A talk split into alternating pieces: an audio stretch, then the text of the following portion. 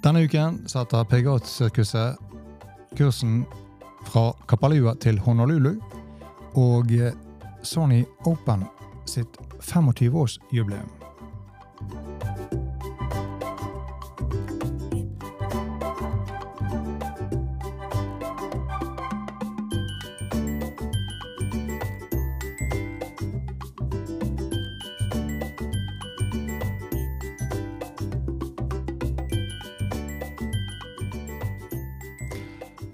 Velkommen til en ny podkast her på Golf Unplugged, presentert av Turtek Golf. Mitt navn er Bjørn Hage. Og I denne podkasten skal vi ta et lite dypdykk i hva som kan forventes av denne ukens turnering på Sony Open. Og etter forrige ukes Century Tournament of Champions, som var en såkalt non-cut-event, eh, er vi denne uken tilbake til et standard fullfelt turnering med 36 hulls kutt. Eh, og eh, banen de spiller, Vajali, er en motsatt helt i andre enden av spekteret sammenlignet med Kapalua. Eh, på Kapalua er jo en såkalt drivers paradise, med brede fairwayer så langt øyet kan se, mens denne uken handler det mye mer om accuracy, treffe fairway og være presis med innspill. Det er jo også bare to par fem hull på, på banen. Og ingen av spillerne har problemer med noen, av dem i to. Det er en par 70. 7044 yards lang, eller drøyt 6400 meter.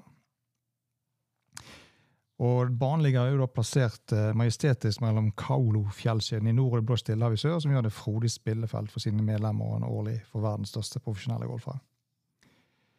Banen ble etablert på slutten av 20-tallet og den ble først preparert som en fasilitet for gjestene på Waikikis Royal Hawaiian Hotel. Uh, og uh, det 40 år gamle Isenberg-hjemmet ble det første klubbhuset for golfbagen. Uh, konkurransedyktig turneringsspill begynte umiddelbart også da den første Hawaii Open ble holdt der tilbake igjen i 1928 allerede. Den nye åpningsbanen på 7000 meter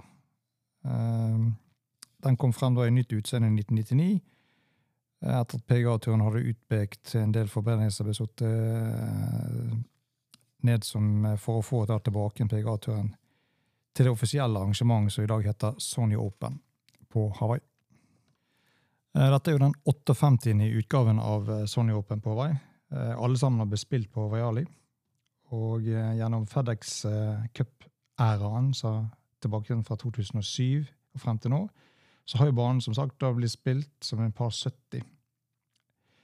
Og de kan variere ved spillelengder helt opp til 7044 yard, som nevnt. Eh, banerekorden den lyder på ikke noe drøyere enn 59 slag. Litt artig historie bak det. Eh, vi går tilbake til 2017, så kom Justin Thomas rett fra Century Tournament of Champions, al altså forrige ukes turnering, med en seier i lommen. Han startet åpningsrunden på Sony da, uken etter med 59 og ny banerekord, som da var ett slag bedre enn daværende banerekord, som var satt av Davies Love III med en 60-runde tilbake i 1994. Eh, og dette var da på den tiden da den åttende sub-60-runden i PGA-turens historie.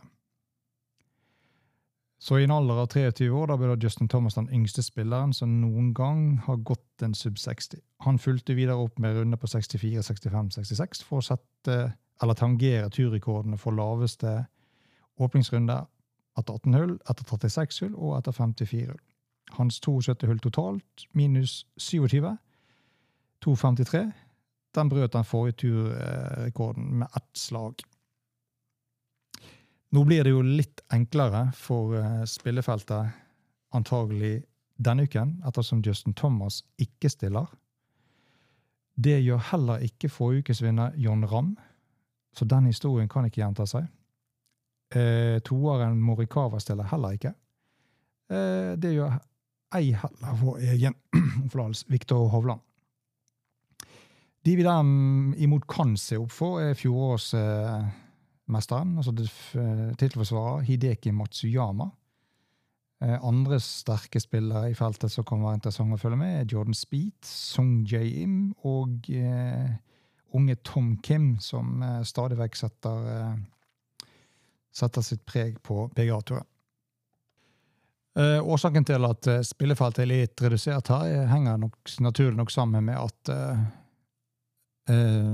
Børsen, altså total pørsen for turneringen ligger på drøye 7,9 millioner dollar. Det er jo da halvparten av forrige uke som var på hele 15 millioner dollar.